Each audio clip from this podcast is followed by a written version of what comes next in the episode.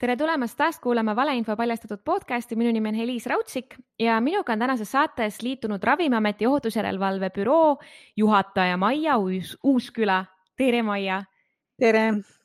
Maia, Maia kutsusime saatesse täna seetõttu, et lisaks sellele, et ta tegeleb praegu väga aktiivselt vaktsiinide, nagu nimigi ütleb, ohutusjärelevalvega, äh, on ta ka aastaid ja aastaid olnud aktiivne vaktsiinivastase kogukonna nii-öelda ümbertõukaja ja ümberlükkaja, enne kui faktikontrollist Eesti meediamajad kuulnudki olid. Maie, kuidas sulle tundub, kas su töökoormus on pandeemia vältel suurenenud? ja eks ta ikka alguses suurenes päris palju. Ähm, praeguseks on natukene olukord maha rahunenud, aga noh, ütleme, et ähm, kui me võtame nüüd pandeemia algusest peale, siis eks eelmine aasta oli peamiseks probleemiks see, et äh, kas ikka Eestis on kõiki ravimeid ja kuidas üldse seda Covidi infektsiooni ravida. selle eelmise aasta lõpus ta hakkas äh, siis selgitustöö vaktsiinidega alguses siis ähm, vaktsineerijatele ja siis hiljem ka juba nii nendele, kes massiliselt vaktsiini said, eks ole, alguses siis õpetajad, päästjad et äh, sinna läks jah, väga palju töötunde ja siis hakkasid loomulikult tulema kõrvaltoimeteatised. et alguses, äh, kui äh, tehti meditsiinitöötajatele, siis ma arvan, et äh, see grupp inimesi ikkagi nagu ähm, adub, et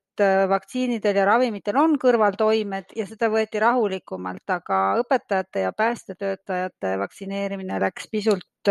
valulikult, et see tuli ikkagi väga suure üllatusena paljudele, et vaktsiin võib tekitada peavalu või lihasvalu ja see võib kesta isegi mõne päeva.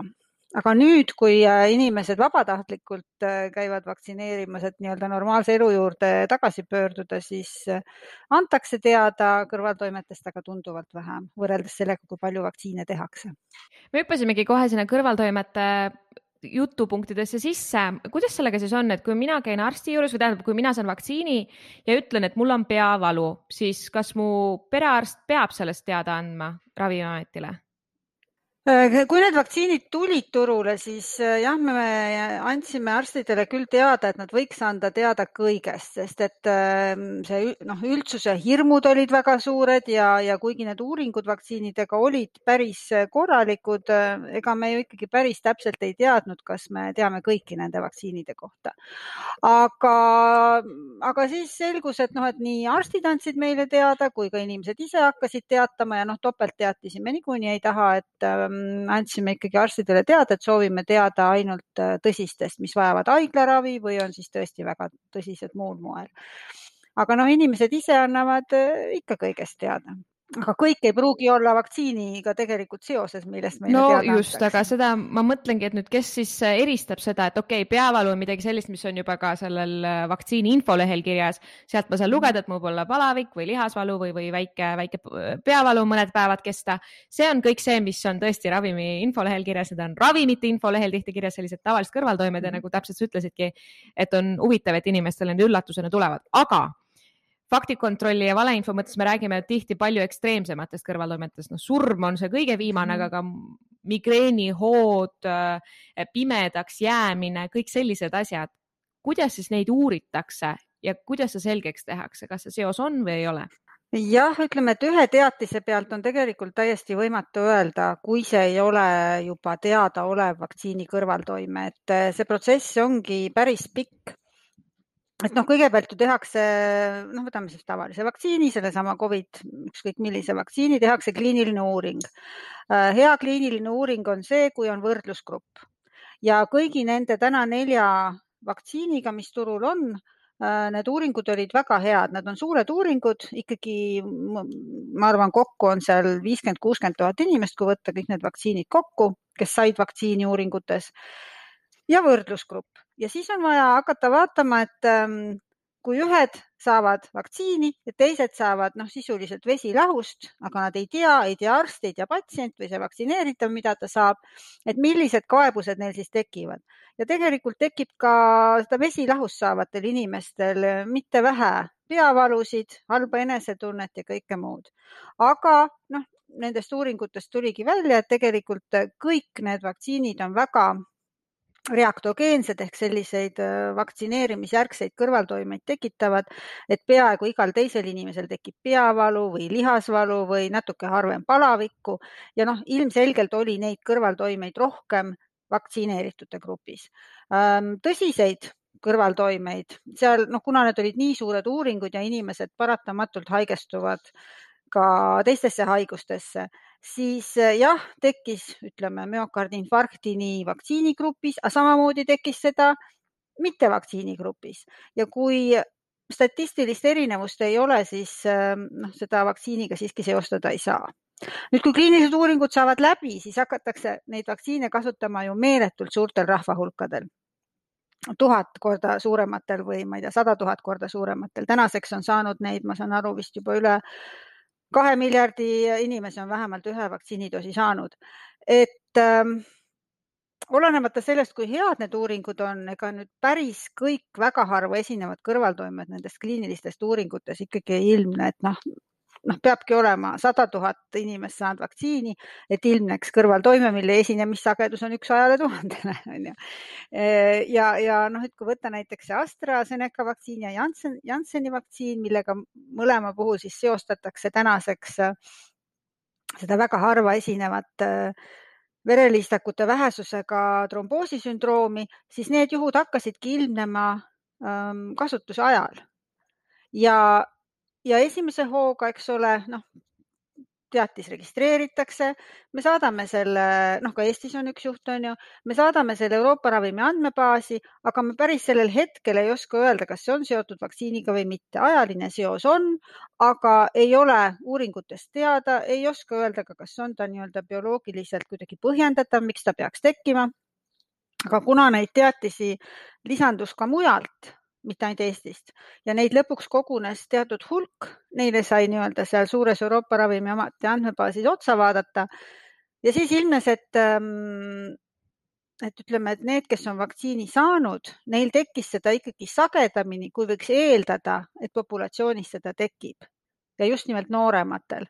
Ja siis juba alustati nii-öelda sellega, et vaadati kõikidesse nendesse teatistesse sisse, kas neil on mingi sarnane muster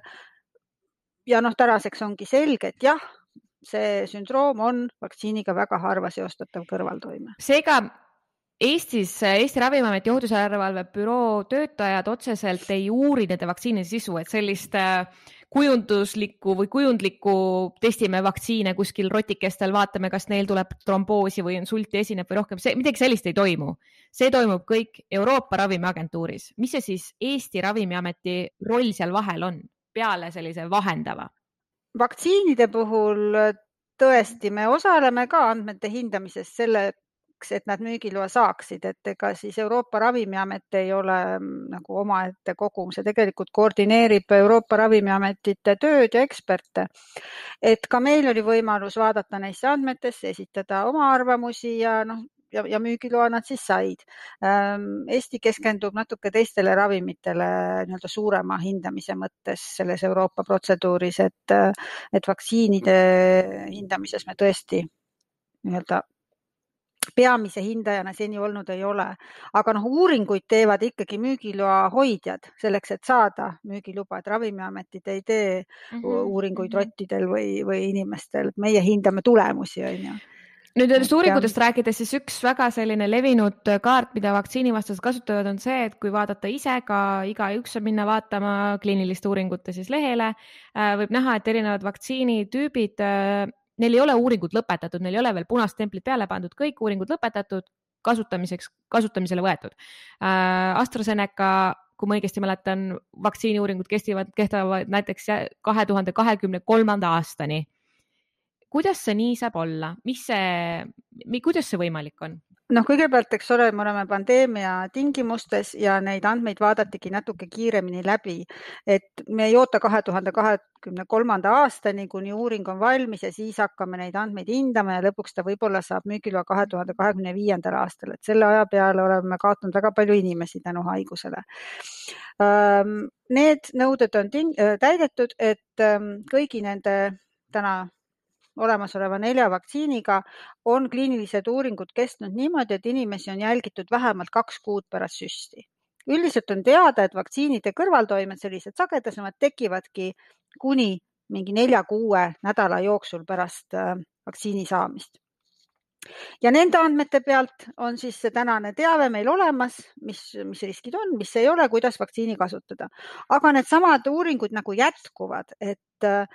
need inimesed jäävad sinna uuringusse jälgimisele ja neid jälgitakse veel noh, siis vist paar aastat et selleks ajaks me siis saame teada ka nii-öelda ähm, pikaajaliste toimete kohta, kas neil esineb või tekib siis nüüd aasta või kaks pärast vaktsiini saamist mingeid tervisehädasid, mis mitte vaktsiini saanutel ei teki. ja, ja, ja noh, eriti oluline on need pikaajalised uuringud muidugi selle efektiivsuse poole pealt, et kaua antikehad püsivad ja kuidas see immuunvastus siis nüüd noh, ajas muutub või ei muutu mis see hetkine prognoos on, kaua kestab ühe vaktsiini või koroonavaktsiini siis äh, antikehade hulk veres ja millal peab uuele doosile järgi minema? no vot, seda me ei tea, me teame, et äh, nad ikka mingi kaheksa kuud tänase seisuga kindlasti on ja arvata on, et nad on ka aasta mm. -hmm. et et eh, noh, kõige halvem prognoos ongi siis see, et me peaksime iga aasta tegema sarnaselt gripivaktsiinile süsti, aga see võib juhtuda, et on kauem, eks ole, kui me võtame HPV vaktsiini, mida tehakse tüdrukutele, siis tänaseks on teada, et see toime püsib juba vist nüüdseks üle kümne aasta või isegi veelgi kauem, et ei ole vaja teha täiskasvanu eas veel ühte süsti ja niimoodi see jah, kogunebki ajas on ju. kõik see jutt on midagi sellist, mida räägitud juba detsembrist alates, kui vaktsiinid meil seisid äh, ukseläve peal, me kordame seda ka siin podcast'is, oleme varasemalt rääkinud teiste inimeste suu läbi, aga sellegipoolest mm -hmm. kordamine tarkuse ema. nüüd valeinfo juurde tagasi kallutades, siis mind huvitab see, et äh, Ravimiameti, teie büroo inimesed äh, puutuvad iga jumala päev kokku selle vaktsiinivastuse kogukonnaga, kes on läinud äh, selle pandeemia vältel aina agressiivsemaks ja aina jõulisemaks. kas äh, teie ise ja, ja, ja teie töötajad on saanud ka kirju ja ähvardusi nendelt inimestelt? mitte praegu, kusjuures ähm, mul on selline tunne, et äh, noh, see vaktsiinivastasus selle alla käivad ka paljud inimesed, kes on kõige vastased, et, et sageli on need inimesed ka maskivastased ja nad on ka 5G vastased ja mille iganes vastased, et kõik, mis on uus või mis on kahtlane, tuleb olla selle vastu. ähvardusi oleme muidugi saanud ja eks ma olen ka politseisse pöördunud, et kes nüüd eriti räigelt sõimavad või, või ähvardavad ära tappa. aga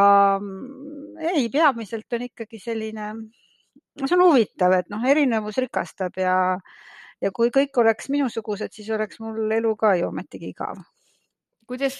jaksu jagub üleüldse sellise tööga tegeleda, sest et noh, nüüd ma jõuangi selleni, et sa oled kommenteerinud aktiivselt juba. ma leidsin Facebookis kõige varasemad jälle, et kaks tuhat kaheksateist aastast tõenäoliselt, võib-olla on see varasemaltki olnud, et kas see on nagu tööülesande osa teha niisugust äh, sotsiaalmeedia kommunikatsiooni või ei ole? No tegelikult äh, ma ei saa öelda, et ma seal väga aktiivne olen, et alguses küll jah, ma avastasin täitsa juhuslikult sellise Facebooki grupi, mille pealkiri oli vist ravimite ja vaktsiinide kõrvaltoimed, mis on ju otseselt minu töö. Ja mind võeti grupi liikmeks ja jah, mind päris alguses ma natuke vist kaotasin ennast sinna, et äh, tekkis tahtmine võidelda kõigi nende tuuleveskitega aga, aga ma pean ütlema, et täna seal noh, kõik ongi nagu läinud äh, selle koroonapandeemia peale, kõik need teemad, et noh, selliseid päris lausrumalusi on seal ikkagi pisut vähem, et alguses oli väga suureks teemaks, kas noh, mulla söömine aitab teetanuse vastu ja kõike muud onju. et ähm, noh, ma ei tea, ma loodan, et need inimesed jah, nüüd, nüüd tegelevad siis koroonapandeemiaga noh, see vist vastab ka küsimusele, et kas kuidagi nii-öelda, kui muidu see vaktsiinivastane kogukond on hästi vastsündinutele keskendunud ja titte, tittedele igasuguste homopaatiliste vahendite müümisega, siis kas nüüd on see kontingent vähenenud ja see narratiiv on siis vähenenud? võib-olla jah, ei ole aega, no ei saa öelda, et, et nad on äh, kõik noh, mingist kurjast vaimust vaevatud, kindlasti on seal inimesi, kelle lastel on tekkinud mingi tervisekahjustus pärast vaktsineerimist. kas see on nüüd vaktsiinist? Võimalik, et on ka selliseid juhtumeid, aga, aga paar juhtumit, millega meie oleme kokku puutunud, on tegelikult ähm, kas kaasasündinud või geneetilised häired, et noh, midagi ei ole teha, teatud haigused löövad teatud vanuses välja ja kui meile isegi esitakse andmed, kus on geenitesti andmed ja on näha, et see haiguse risk ongi tal olemas ja tõenäoliselt tal noh, oleks ka tekkinud ilma vaktsiinita. et noh, ma saan aru, et vanematel on seda kohutavalt raske aktsepteerida, et su laps on haige aga noh, sellised inimesed on seal nagu osad, aga jah, muidugi on seal väga palju millegi müüjaid, kes siis eh, tehes tavameditsiini maha, üritavad siis müüa noh, mis iganes, homöopaatikume, millel puudub toime või siis eh, MMS-i või mingisuguseid muid korallilahuseid või mida iganes. et noh, sa saad oma müüki suurendada ainult midagi mitte müües või maha tehes ja, ja mis veel on, et, et kuna noh, sotsiaalmeedia ja, ja, ja kõik see internet on ju kõikidele kättesaadav, siis paratamatult ka vaimsete häiretega inimesed äh, saavad oma postitusi vabalt internetti postitada. kui nad leiavad seal endasuguseid veel, siis tekib selle võimendamine ja lõpuks hakkab see võib-olla mõnele tunduma nii-öelda tõesena. sa puudutasid seda teemat, mida ma tahtsin ka ääriveri katsuda, et et sa ütlesid, et võib-olla mõnel inimesel, kelle lapsed ongi haiged, see võibki olla mõne vaktsiini väga-väga haruldane ja ekstreemne tulemus, nagu ma aru sain või on saanud siis mõne kahjustuse tõepoolest. kui palju tundub sulle, et nende vaktsiinivastaste jutus võib ka mingeid tõeseid punkte olla, sest et näiteks just selle küsimusega me puudutame otsapidi ähm, kahjude tagasimaksmist ning kahjude taastamise nõudeid, mida meil siin Euroopas ju sugugi ei ole, et siin Ameerika Ühendriikides, kus mina parasjagu viibin, saadetakse kõik otsapidi kohtusse, aga Euroopas ja Eestis meil ju nõnda ei ole. ma tahaks väga loota, et kui ähm tekib tõesti vaktsiini kahjustus ja noh, ühesõnaga vaktsiini kahjustus on selline imelik sõna, aga kui tekib tervisekahju, mis on ilmselgelt vaktsiinist tingitud või see lõpeb surmaga, siis ikkagi mingil moel see kompenseeritakse, et noh, Eestis jah, patsiendikindlustuse süsteemi veel ei ole ja sellist fondi ei ole, aga ma loodan, et Eesti on sinnapoole teel. et see ei ole Ravimiameti tekitada ega, ega vedada aga noh, kui selline asi peaks tulema, siis kindlasti peab tekkima mingisugune ekspertide kogum, kes siis hindab neid juhte. et äh, tõepoolest siis välja selekteerida need tervisekahjud, mis siis on vaktsiinist tingitud, eks ole, et ega riik ei taha hakata kõikvõimalikke vigastusi kinni maksma selle pähe. et see saab olema päris keeruline ülesanne kui palju on siis ikkagi neid, mille kohta võib öelda, et tervisekahjustus võib olla vaktsiinist põhjustatud, noh, ma ei tea, nende tuhandete tuhandete juhtumite põhjal, mis Ravimiametisse laekuvad. kas seal on üks-kaks sellist, kus see põhjus on konkreetselt tõestatud ja tõestatav? ei, ähm, seda on hästi selles mõttes raske öelda, et ähm, meie jaoks on oluline, kas see on tõsine kõrvaltoime või mitte. tõsise alla lähevad haiglaravi vajanud juhud, äh, püsivad puued ähm, põhjustanud äh, kõrvaltoimed. samuti siis noh, ütleme, et kui ema või rase naine kasutab ähm, ravimit või vaktsiini ja tal tekib siis sünnikahjustuse, sünnikahjustus lapsel. Ähm, noh, ja veel mingisugused sellised äh, noh, ka surmaga lõppevad juhud, et ähm, neid on, aga, aga noh, haiglaravi, kui inimene saab haiglaravi ja paraneb, siis äh, ja haiglaravi ta saab ju nii-öelda mitte oma taskust, et Eestis ravitakse kõiki inimesi, olenemata sellest, kas see on siis nüüd ravimist või muust põhjusest. jah, meil on teada mõned juhud, kus siis noh, võiks öelda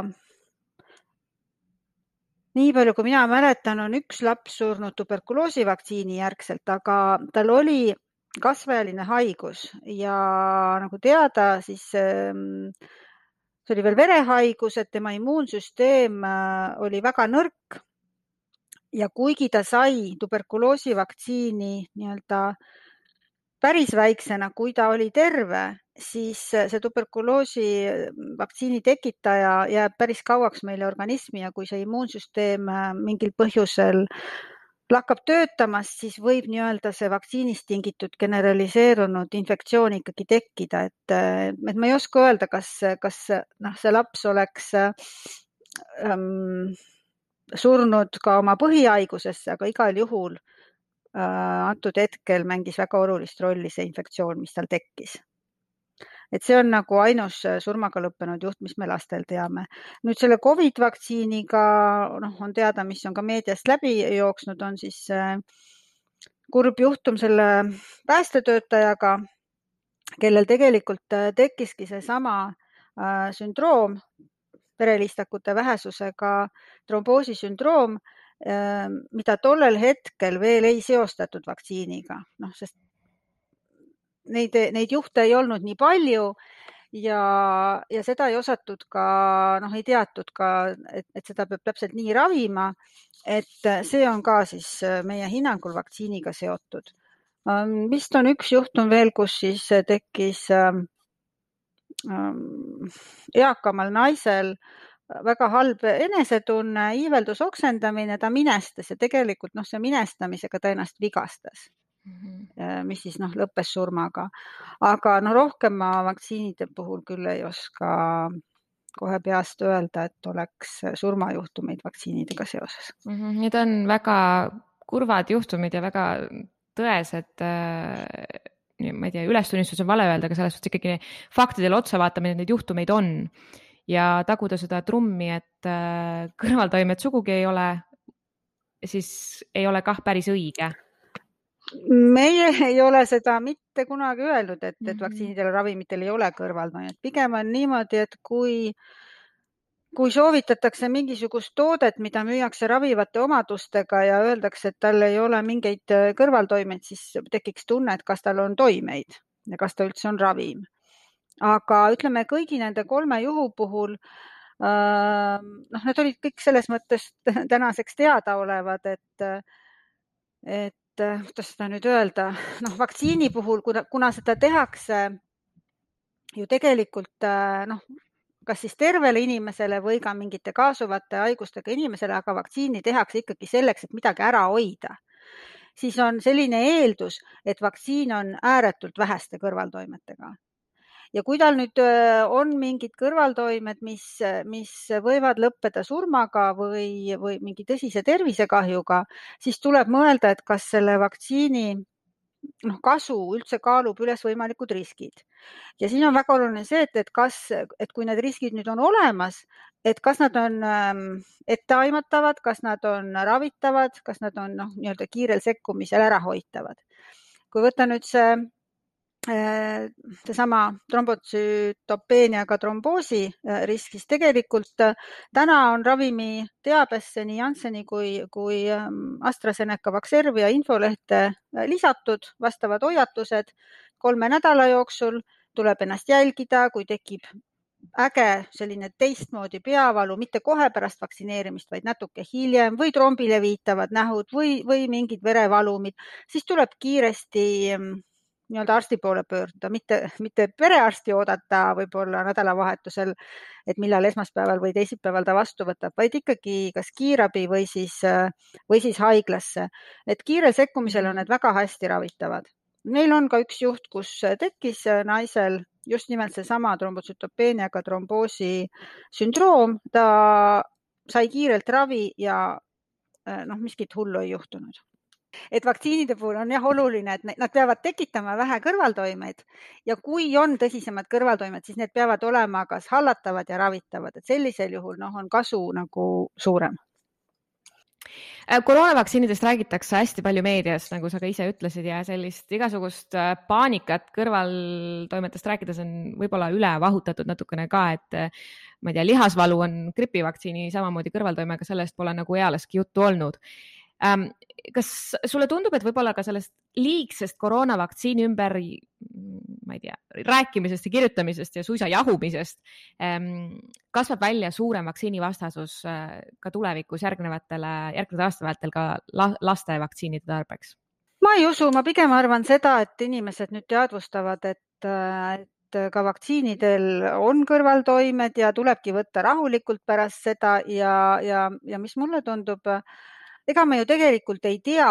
ähm, mida need väiksed imikud tunnevad, kui nad saavad oma vaktsiinisüsti. võib-olla nad tunnevad täpselt sedasama, mida meie, et neil on halb olla, neil valutab pea, neil on külmavärinad, lihasvalud. me lihtsalt ei tea, sest nad on nii väiksed. et äh, noh, samamoodi tuleb see maha rahustada, võtta leevendavaid vahendeid või anda leevendavaid vahendeid ja, ja anda piisavalt juua ja tegelikult enamus juhtudest läheb ju paari-kolme päevaga üle. aga noh, inimesed peavad aru saama, et, et see, see väike periood ebamugavust annab kaitse haiguse vastu, mis on tunduvalt hullem, on ju